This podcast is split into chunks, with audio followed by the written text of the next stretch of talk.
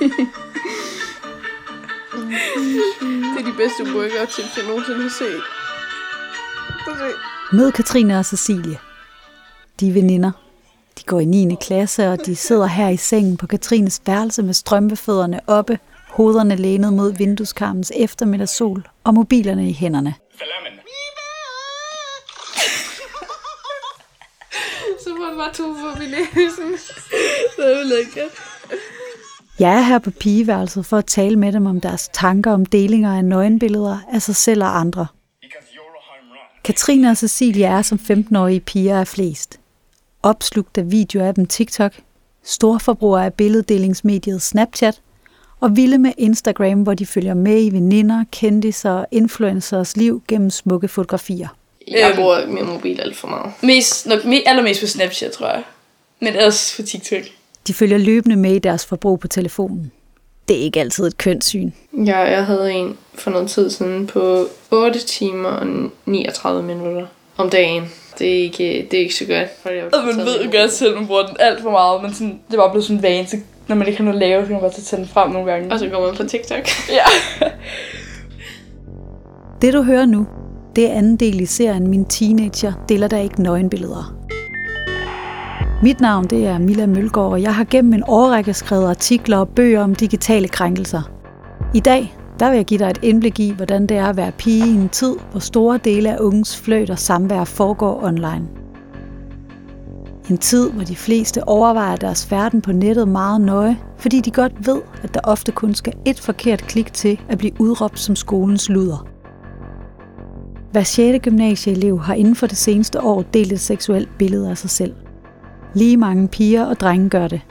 Men der er stor forskel på, hvordan billederne bliver efterspurgt og modtaget. For hvor pigernes billeder er i høj kurs blandt mange drenge, så er det knap så tit, at piger plager om at få lov at se drengene uden tøj på. Jeg har også, altså, også flere gange, hvor jeg bare har fået øh, dick eller et eller andet sådan dreng, uden man har spurgt om det. Ja. Og det har både været sådan, det har også været nogle af mine venner, nogle af mine faktisk sådan, ret gode venner fra skolen, eller sådan, min gamle skole og sådan noget, men det har også været folk, som bare addet ind på Snap, og sådan, så tager man det tilbage for at spørge sådan, om vi kender, kender jeg dig, eller sådan noget, så har vi fået billede, nogle billeder af dem, og sådan dick pic af dem, og så har jeg bare blokeret dem. Og bare lige for at forklare her.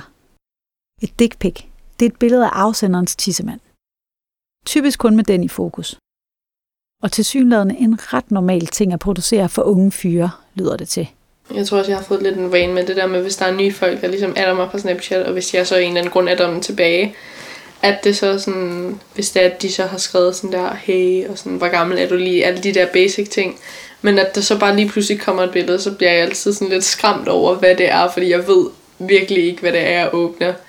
Fordi at der er mange gange, som du også siger, hvor det, er, at det bare har været dick pic, man får kastet lige i hovedet. Det er knap så rart. Ja, altså hvordan føles det egentlig? Mm, det man, ja, personligt selv, der bliver sådan lidt sådan disgusted. Altså det, Ja, jeg føler sådan, drenge meget sådan, de vil gerne have nye til sådan nøgenbilleder af piger og sådan noget, ikke? Og jeg føler med at piger, det var sådan, ew, når vi får et billede af drenge, sådan, nej tak. ja, øhm, Men, men hvad, hvorfor tror jeg, de sender dem til jer? fordi de gerne vil have noget tilbage. ja, det tror jeg er main reason. Og så tror Ja. jeg også, de bare sådan prøver måske lidt at blære sig. Hvis det nu er, de for eksempel ja, har en stor pik eller sådan noget. Men jeg, tror, jeg ved, ved ikke, om det er fordi, at de tror, at det er sådan... Det er sådan charmerende, fordi det er totalt uscharmerende. Ja. Faktisk, Når synes man vi. får billeder sådan, af drengene, ja. Det jeg ikke. Jeg tror også, jeg har prøvet mange gange, hvor det, er- det har været sådan, at så har de sendt et nøgenbillede, og så er de sådan, Nå, nu har jeg sendt noget, nu skal du sende noget tilbage. Så står man bare der, jeg har jo ikke bedt om noget, så hvorfor skulle jeg sende noget? Og jeg kender dig ikke, så det er sådan, det har jeg i hvert fald prøvet mange ja, gange. I det hele taget, så bliver Cecilia og Katrine ofte spurgt, om de ikke lige sender noget af sig selv. Det er der virkelig mange, der spørger om, synes jeg. Virkelig mange drenge. Sådan. Men der er der mange, har jeg i hvert fald prøvet, jeg brugte det meget på et tidspunkt, øhm, har jeg i hvert fald prøvet at blive spurgt mindst 30 gange, om jeg ikke gider at sende noget, og så blokerer jeg dem bare med det samme. For det kan have store konsekvenser at sende noget til de forkerte, oplever pigerne. Øhm, hvis der er en pige, der har sendt noget billede som dreng, så tror jeg også bare sådan, at, at han fortæller det til, så har jeg ofte hørt nogle veninder, for der har sendt noget, og så pludselig ved alle det, fordi at, så er det gået rundt til sådan små rygter, og så pludselig kan en hel årgang vide, Ja. Øhm, kender vi i hvert fald. Der var ja. sådan en helt overgang, der vidste, at der var en pige, der havde sendt noget til en dreng. Ikke? Øhm, og så var der nogen, af, nogen, der gik og sådan, hver gang hun gik forbi og kaldte hende nogle forskellige ting. Og sådan, ja, gik og sagde nogle grimme ting efter hende. Jeg har to dejlige piger, som er 14 år. Ja, vi plejer at snakke om sund fornuft. Prøv lige at tænke jer lidt om. Du kan dele ud af dig selv meget, meget hurtigt og meget, meget nemt. Men det er ikke det, der er målet. Målet, det er at lave noget, der er ægte. man prøver at sige alt til sine børn og sine teenager, men, men jeg synes bare, at unge kvinder eller unge piger, det er bare lige glade. Altså, jeg ved ikke, sådan, det gør det bare. Det er bare så tit. At sende billeder af sig øh, brysterne, eller, eller hvad det er. Så private øh, steder. Jamen, selvfølgelig har jeg sagt, det skal hun bare lade være med. Jeg har en øh, dreng på, han bliver 18 her til oktober, og så har jeg en pige, der er lige blevet 13. Jamen, jeg si- siger til hende, at hun, øh, jeg synes ikke, hun skal gøre det. Fordi det kommer ikke andre med, hvordan hun ser ud. Jeg siger, vi, både min kone og jeg siger, selv siger til hende, lad være. Fordi man ved ikke, hvem man sender til i dag. Katrine og Cecilies overvejelser og bekymringer, de afspejler i høj grad den generelle tendens blandt unge piger lige nu. Mange føler sig fristet af at dele noget intimt af sig selv som en del af en dejlig fløt, men de ved godt, at der er en risiko for at blive delt videre og miste kontrollen over materialet. De har set det ske for veninder. De har hørt om det i medierne, der fortæller om sexvideoer optaget i smug til fester, billeder delt i fortrolighed, der er blevet sendt rundt i hele byer eller havnet i mapper, online-kataloger eller på pornosider over hele verden. For ikke at tale om Umbrella-sagen, vi oprullede i afsnit 1, hvor 15-årige Sofie blev optaget og delt tusinder af gange over hele landet mod sin vilje. Teenagepiger i dag er voldsomt bevidste om, hvad de risikerer ved at sende noget intimt af sig selv, når drengene spørger. Hvis jeg personligt ikke sender noget sådan nøgenbilleder til drengen. Så. Men jeg er også glad for, at jeg ikke har sendt noget til nogen, fordi hvis jeg havde sendt et eller andet, der så blev delt, så ville jeg virkelig blive ked af det, ikke? Og, og tænke mig over, hvad, hvad tænkte andre nu om det, de har set og sådan noget. Så det er det, jeg er glad for, at jeg ikke har gjort. Jeg er personligt selv meget heldig, fordi jeg er kommet så langt, som jeg er, uden at have sendt noget med en fyr. Det, det er jeg faktisk lidt stolt over. Men det kan være svært at sige nej, for så opstår der pludselig en ny risiko. Skriver man, det har man ikke lyst, altså skriver jeg i hvert fald, det har jeg ikke, det gider, har jeg ikke lyst til, det har jeg ikke lyst til.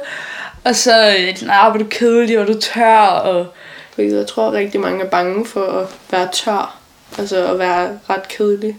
Fordi at så står man sådan lidt der, om det er jo ikke... Jeg tror i hvert fald selv, jeg har haft, sådan, haft en tanke flere gange om sådan, om det er jo ikke...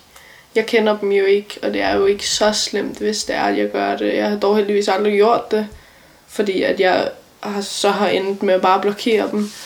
Men det har meget været sådan noget med, om der var alligevel ikke, hvad nu, der er jo alligevel ikke rigtig nogen, der finder ud af det og sådan noget. Så er jeg måske ikke så tør alligevel.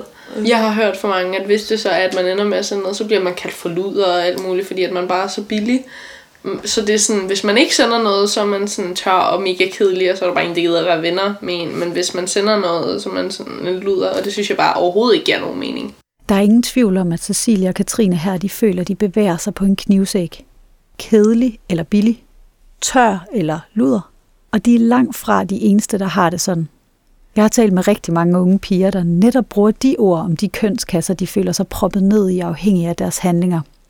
Det samme har Christian Mogensen her.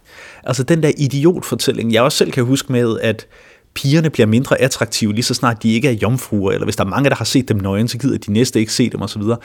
Øhm, den hænger stadigvæk ved, også selvom det hele er blevet billedbornt og digitalt. Christian Mogensen han er specialkonsulent hos Center for Digital Pædagogik i Aarhus, og en stor del af hans arbejde det går ud på at tage rundt på skoler og tale med unge om deres digitale liv og de normer, kønnene agerer ud fra. Et af de steder, hvor jeg ser det fænomen tydeligst, det er, det er når jeg holder foredrag, typisk på ungdomsuddannelser, gymnasier og sådan noget, hvor jeg plejer at spørge, når vi når til de her billeddelinger eller krænkelser, eller når der bliver delt et billede mod, hvem end der er på billedets vilje, starter jeg altid med at spørge, jamen, unger, hvad vil man kalde en fyr, der har fået delt sit billede? Hvad vil man kalde en fyr, der har sendt et eller andet nøgenbillede, og så er det røget ud i klassen eller på klassechatten? Og så er der sådan lidt muml, mumlen i krone med mm, idiot, eller eh, fuckboy, eller player. Øhm, der, der er ikke rigtig nogen, der har sådan et nalfast svar. Den, den løber ret hurtigt ud. Lige så snart jeg begynder at spørge, hvad kalder man en pige eller en kvinde, der har fået delt sit billede. Jeg når ikke at færdiggøre sætningen, før der nærmest er en skov af hænder, der bare sidder og råber, lujer. Hun er en luder. Og det er den her tanke om, at pigerne, når de gør deres seksualitet, når pigerne er fløtende, når pigerne er opsøgende, så bliver de dømt for det, så bliver de ringeragtet, og så får de at vide, at du er også en luder. Og det er ikke kun i skolegården, at den fortælling hersker, fortæller Christian Mogensen. Han ser den samme tendens i kommentarsporene på sociale medier, hver gang en sag om digitale krænkelser dækkes. 9 ud af 10 gange, det som folk de beskæftiger sig med nede i kommentarsporet, det er, hvorfor havde hun sendt det billede til at starte med? Hvorfor har hun sendt et billede af sine bryster til en 16-årig dreng? Altså hvad havde hun regnet med, der ville ske? Og hele den der offerskam, hele den der omgang slut-shaming, hvor vi klandrer pigen, hvor vi anklager pigen, kvinden, for ikke at have stået godt nok på mål for sin seksualitet. Hun har jo valgt at dele den med ham der, så delte han den bare videre. Altså hun havde jo åbnet døren, så var der bare flere, der gik ind. Bidrager jo bare til, at pigerne, når de bliver gjort for træd, får at vide, at det er deres egen skyld, og at de ikke har noget at være ked af det over. Og at de voksne, som typisk er dem, der fylder i de der kommentarspor, i hvert fald ikke er der for at hjælpe dem. Og de her kommentarer, dem kender 15-årige Cecilia og Katrine kun alt for godt. Jamen for eksempel så... Øh, kender en pige, der ser, eller det røvbillede, hun sendte til nogen, og så pludselig så blev det delt til vildt mange fra Ja. vores år. Altså jeg tror, det er sådan hele årgangen. havde Hele hørt årgangen. om det. Øh. havde i hvert fald hørt om det, og nogen havde set det og sådan noget, og så kan jeg i hvert fald huske, at der var mange, der kommenterede på det, at det, er sådan, det skulle hun jo heller ikke have gjort. Det var jo hendes egen skyld, at det ligesom er kommet rundt til hele årgangen nu. Men hvad tænker jeg om det der med, at hun så, at der var det der, men det, hun kunne bare have lavet være? Altså, hvad tænker jeg om, at folk de siger sådan? Jeg synes personligt selv, det er ret latterligt sagt. Hun kunne jo ikke gøre for, at det blev delt videre. Hun, hun kunne jo i princippet set godt have gjort for, at hun har sendt det. Det kunne godt være, at hun er blevet presset, det ved jeg ikke. Øhm, men hun kunne ikke gøre noget for, at det blev delt rundt til hele årgangen overhovedet. Så jeg Hun synes, har det er ikke regnet med det overhovedet. sagt. Nok sådan stolet på den, hun havde sendt til øh, regner med, at han ikke delte det videre. Ja.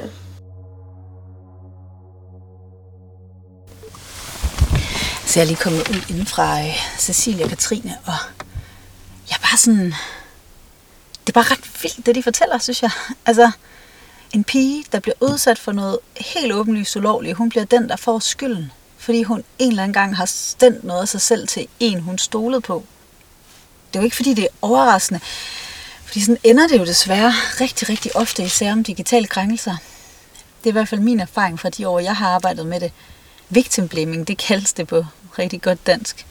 Når man sådan, i stedet for at rette blikket mod dem, der har gjort noget ulovligt, så begynder man at motivundersøge og kigge på den, der er blevet udsat for forbrydelsen. Det Sådan lidt, øh, hvad var hendes eget ansvar, og kunne hun ikke bare have lavet være med at vise sig nøgen, eller sende nogle billeder til nogen, og ja, er hun ikke mere eller mindre selv lagt op til det her? Altså jeg hører jo også rigtig mange forældre og lærere og andre ting sådan her. Det er sådan en rygmavsreaktion på en eller anden måde.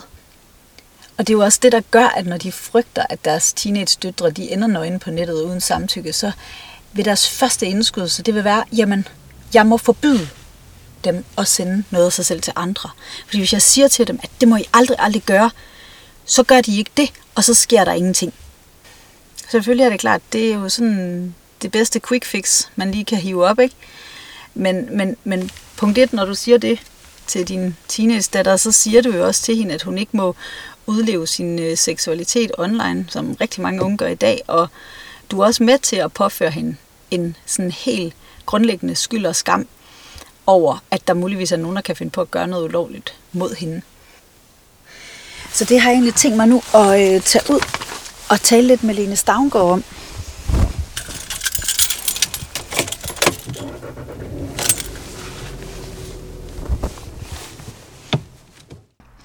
Hej, jeg er en pige, der har været dum, Lene Stavngård, hun er national chef i Sex og Samfund. og jeg har sendt nudes til en dreng, og vi havde aftalt, at han skulle sende et billede lige bagefter, men i stedet for blokerede han mig. Hun læser op af et brev, de har fået på rådgivningssexlinjen. Jeg er bange for, at han har delt billedet med andre, og min bedste veninde vil ikke hjælpe mig, fordi hun synes, at jeg har gjort noget forkert, hvilket jeg har, men hun er den eneste, der vil kunne forstå mig, men hun vil ikke hjælpe. Hvad skal jeg gøre? Brevet her det illustrerer meget godt den skyld og skam, som rigtig mange føler, når de bliver udsat for en digital krænkelse. Eller som pigen her, er bange for, at det vil ske. Når jeg taler med rådgivninger hos organisationer som Red Barnet og Sex og Samfund, så fortæller de, at langt de fleste henvendelser om ulovlig billeddeling kommer fra unge, der mangler voksne at betro sig til. De er simpelthen bange for at få skæld ud, eller for at få at vide, at det, der er sket, det er deres egen skyld. Prøv at høre, hvad Lene Stavngård hun siger om det. Problemet er, at når en forældre advarer sin eksempelvis unge datter om ikke at sende nøgenbilleder, fordi det kan have konsekvenser og være farligt, og det kan blive delt, jamen så skaber det jo desværre den her internaliseret victim blaming hos den unge kvinde, som når hun står i et problem, altså at der er sket, sket en grænseoverskridelse eller et overgreb, og det her det er blevet delt, jamen hvem skal hun så få hjælp fra? Hun bliver jo bange for, at søger hun hjælp hos sine forældre, jamen så får hun måske at vide, du gjorde lige præcis det, jeg sagde til dig, du ikke skulle gøre. Ifølge Line Stavngård og hendes kolleger, så er det at dele billeder en fuldstændig naturlig del af det at være ung i dag. Hvorfor bruge tid på at skrive en besked om, at man sidder på McDonald's og spiser kyllingenugget sammen med Victoria, når man bare med et billede kan fortælle hele den historie? På samme måde med de mere intime fotografier. De viser på en gang fortrolighed, loyalitet og måske også en seksuel lyst, der kan være svær at udtrykke med ord. Det er derfor eksperter kalder billederne for de unges kærestebreve. Noget af det, der også er interessant, er jo, når man taler nøgenbilleder, så er der måske nogle voksne, som ikke har beskæftiget sig så meget med det, som forestiller sig øh, sådan lidt, øh, du ved, pornografisk indhold med nogle opstillede billeder, og ofte er det jo heller ikke sådan. Altså, det kan lige så godt være et billede af, af nogens øh, øh numse inde i spejlet, eller et billede af, at man ligger i sengen, eller sådan. Altså, det er jo meget mere mangfoldigt, end man måske forestiller sig.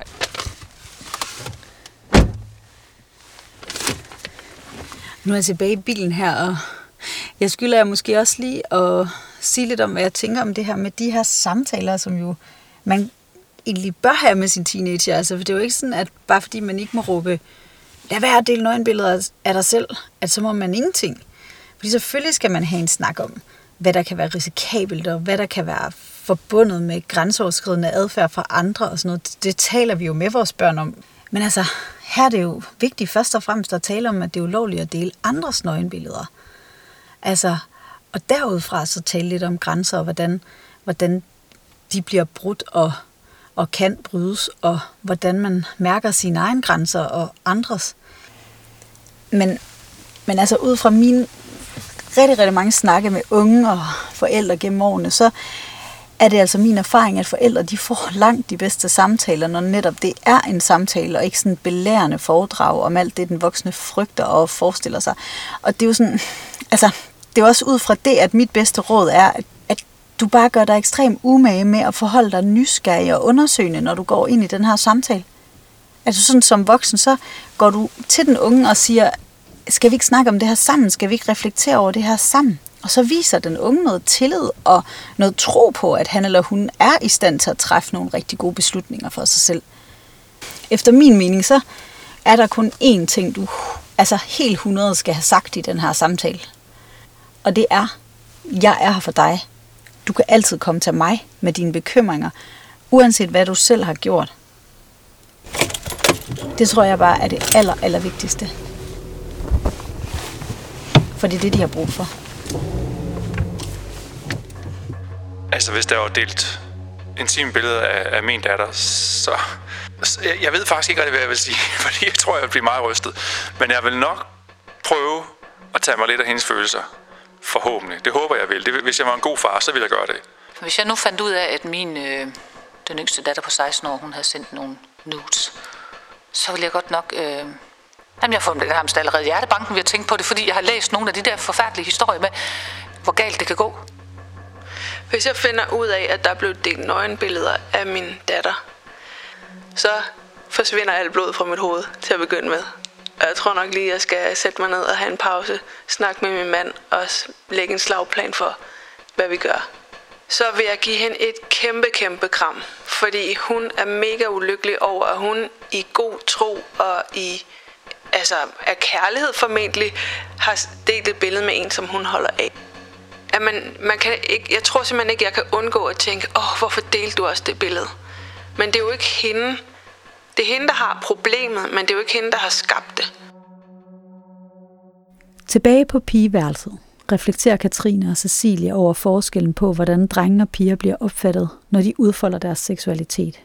Lidt unfair for det, Ja, øh, jeg kan bare ikke rigtig sådan forstå, hvorfor det er, at det er forskelligt fra dreng til pige. Om det er, at altså, du kunne lige så godt altså, blive kaldt for en mandeluder, altså hvis det var, du var sammen med mange piger, men nej, nej, man er sej, hvis det er, man er sammen med mange piger. Som en Det synes jeg bare ikke giver nogen mening. At Nej, der er så meget der skal være forskel fordi man, er, man er en dreng og en pige på det punkt. Ja, det, jeg, i mit hoved, det giver det bare ikke rigtig nogen mening. Jeg synes i det hele taget, det skal ændres. Jeg ved ikke, hvordan det skulle ændres, men det synes jeg.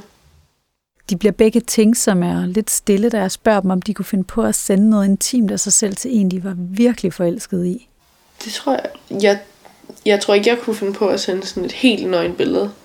Men sådan, ja.